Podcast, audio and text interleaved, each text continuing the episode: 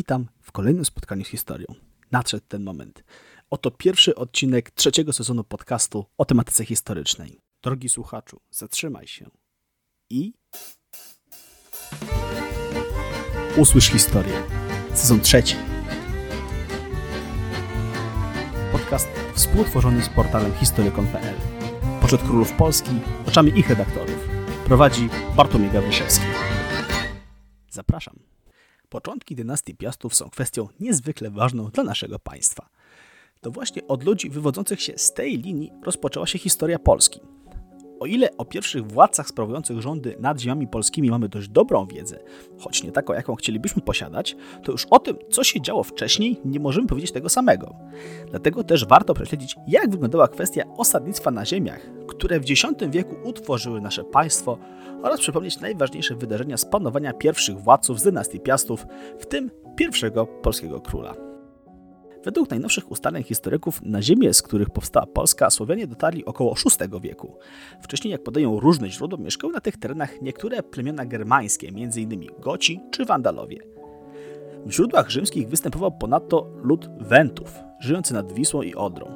Niestety nie posiadamy przynajmniej na chwilę obecną informacji mówiących, kim była ludność, której pozostałości archeolodzy nazywają kulturą łużycką, a której tą największą spuścizną, najbardziej znaną, jest osada obrana w Biskupinie pochodząca z VIII-V wieku przed naszą erą. Przypuszcza się, że pierwsze plemiona słowiańskie, które osiadły nad Wisłą, pojawiły się co najmniej kilka wieków później. I tak według ustaleń historyków nad samym morzem wyróżnić można Pomorzan, mających duże i bogate porty, Szczecin, Gdańsk czy Kołobrzeg. Nad środkową Wisłą należy wspomnieć o Mazowszanach, a nad Górną Wisłą o Wiślanach. W okolicach Kosowia żyli Ślężanie, a w rejonach środkowej Polski Polanie, którzy najprawdopodobniej są tożsami z Lędzianami, choć niektórzy historycy widzą w nich zgoła odrębne plemię. Pojawienie się większych grup plemiennych świadczy o istnieniu jednoczącej je władzy. Jednak w tym okresie nie wiemy praktycznie nic konkretnego, z wyjątkiem drobnych zmianek mówiących o tym, że żył jakiś bardzo potężny książę Wiślan, które pochodzą z czasów Metodego. Z kolei powstanie państwa Polan stanowi punkt wyjścia i jest zarazem jednym z najważniejszych zjawisk w dziejach całego narodu. Co prawda nie ma źródeł, które opisywałyby wprost związane z tym wydarzenia, dlatego też istnieje kilka wersji, jak to mogło wszystko wyglądać. Najstarszy pogląd mówił, iż państwo polskie powstało w wyniku najazdu z zewnątrz, co uzasadniono zaobserwowanymi w późniejszych wiekach głębokimi różnicami między szlachtą a chłopami. Ci pierwsi mieli być potomstwem słowiańskich zdobywców, ludzi zaś pokonanych. Odmianą tego rodzaju rozumowania było utożsamiane najeźdźców z Normanami, którzy w mniemaniu części historyków, głównie niemieckich, mieli stworzyć państwo polskie, dając nam pierwszego władcę, Mieszka I, który miał być z kolei wikingiem o imieniu Dago. Dziś ta teoria jest już praktycznie nie do potwierdzenia i nikt w nią nie wierzy. Część XIX-wiecznych uczonych widziała początki państwa jako wynik pewnej umowy społecznej, którą w obliczu zagrożenia najazdami niemieckimi zawarły wszystkie plemiona polskie. Konstrukcja ta z dzisiejszego punktu widzenia wydaje się oczywiście sztuczna i mało realna. Obecnie największy wpływ na to, co wiemy o początkach polskiej państwowości, mają oczywiście archeolodzy. To właśnie ich odkrycia układają się w wyraźny obraz dający nam zalążek do budowania pewnych hipotez czy potwierdzania znanych już wcześniej faktów. W pierwszej połowie X wieku nastąpiło najprawdopodobniej zniszczenie dawnych gródków pochodzących jeszcze z czasów plemiennych, a w ich miejsce zaczęły powstawać grody o wiele potężniejsze i obsadzane stałymi załogami zbrojnymi. Tego typu najstarsze znaleziska odkryto nad Wartą w Wielkopolsce. Znajdują się tam ślady, które interpretowane są jako pozostałości po walkach związanych z utrwalaniem się władzy książęcej w ramach plemienia Polan. Przypuszcza się, że około 920-930 roku wzniesiono potężny gród w Gnieźnie, co oznaczałoby okrzepnięcie w tym miejscu władzy, która podporządkowała sobie całe plemię. Jej początki są jednak dość późno potwierdzone przez przekazy pisemne. Na początku XII wieku Gal Anonim potrafił wymienić jedynie trzech przedchrześcijańskich księżot: Siemowita, Leszka oraz Ziemomysła, ojca Mieszka I. Nie zasługuje natomiast na miarę pozostałe informacje przekazane przez tego kronikarza. Według jego podań Siemowita mieli być Piast i Rzepka. Jeżeli chodzi o postać Mieszka I, to nie ulega wątpliwości, iż ta osoba istniała w rzeczywistości. Potwierdza to zresztą wiele źródeł. Z księciem po raz pierwszy spotykamy się w 963 roku, kiedy to według kronikarskich wzmianek Wieleci pokonali dwóch bitwach króla słowiańskiego i zabili jego brata. Około 965 roku kraj Mieszka opisał przejeżdżający przez Europę Środkową żydowski kupiec Hiszpanii, Ibrahim ibn Jakub. Według tej relacji był on jednym z najpotężniejszych państw słowiańskich. Polanom sprzyjało położenie ich siedziby w centrum równiny między Morzem Bałtyckim a Karpatami, co ułatwiało im ekspansję oraz włączenie się w obieg ówczesnego handlu dalekosiężnego. Przypuszcza się, że Mieszko I u progu swych rządów panował nad Polanami i Mazowszanami oraz podbijał Pomorzan, a podczas walk z nimi zetknął się z Wieletami. Poniesione w walce z nimi porażki miały doprowadzić do zawarcia jakiegoś układu z niemieckimi margrabiami, w wyniku czego książę uznał zwierzchnictwo cesarza i zobowiązał się płacić trybut z przygranicznych ziem. Ponadto wszedł sojusz z Czechami, którzy sprzyjali Wieletom, co oznaczało nawiązanie bliższych relacji z państwami kręgu chrześcijańskiego. Mieszko znalazł się w takiej sytuacji, szybko zrozumiał, że jeśli chce funkcjonować jako równorzędny partner w kontaktach z nowymi sprzymierzeńcami, to musi zdecydować się na przyjęcie chrztu. I tak, zgodnie z ówczesnym zwyczajem, przypieczętował przyjaźń z państwem czeskim poprzez ślub z księżniczką Dobrawą, do którego doszło w 965 roku. Wraz z małżonką przybyli jej dworzanie, a wśród nich przedstawiciele duchowieństwa. Rok po ślubie, czyli 966 roku, Mieszko przyjął chrzest, co miało miejsce, tak jak się przynajmniej przypuszcza, w okresie wielkanocnym, przypadającym w połowie kwietnia. Chrzest księcia oznaczał początek chrystianizacji państwa i wiązał się z przybyciem biskupa misyjnego Jordana co miało nastąpić już w roku 968. Jego siedziba znajdowała się prawdopodobnie w Poznaniu. Fakt ustanowienia biskupstwa był wielkim sukcesem księcia Polan.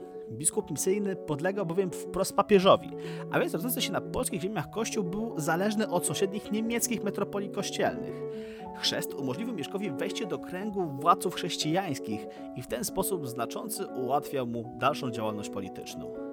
Jednak nie odbyło się bez pewnych trudności. Mianowicie w 972 roku margrabia Hodon próbował najechać zdobyte przez księcia polskiego Pomorze, co prowadziło do zwycięskiej dla Mieszka bitwy pod Cedynią i gniewu cesarza Ottona Wielkiego, który ostatecznie udało się załagodzić.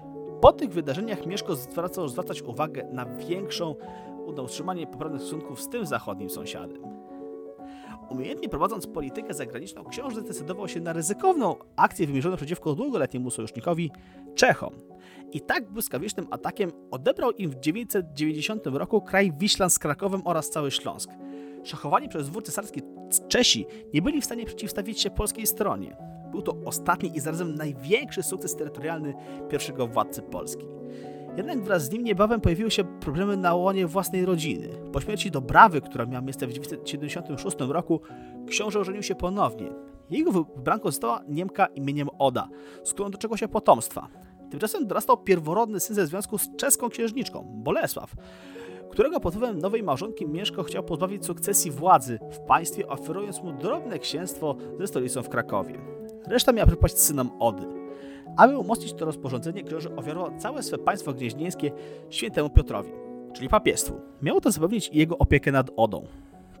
Do współczesnych nam zachow- czasów zachowało się streszczenie dokumentu zwanego Dogome Judex.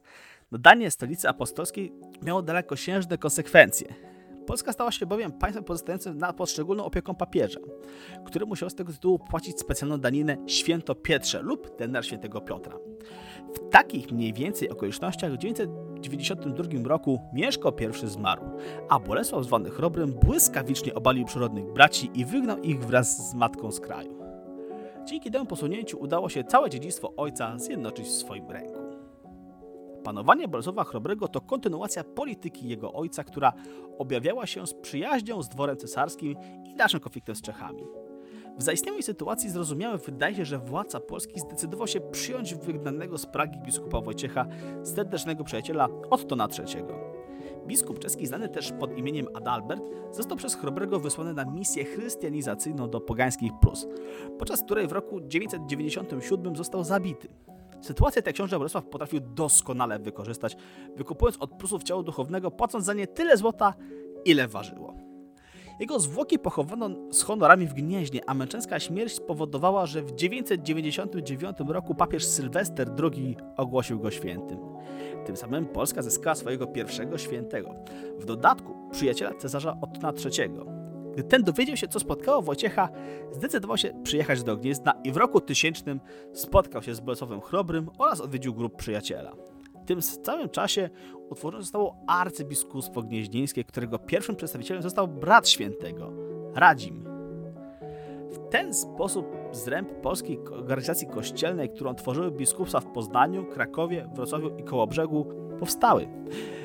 Ponadto na spotkaniu cesarz włożył na głowę księcia cesarski diadem oraz podarował mu na kopię włóczni świętego Maurycego.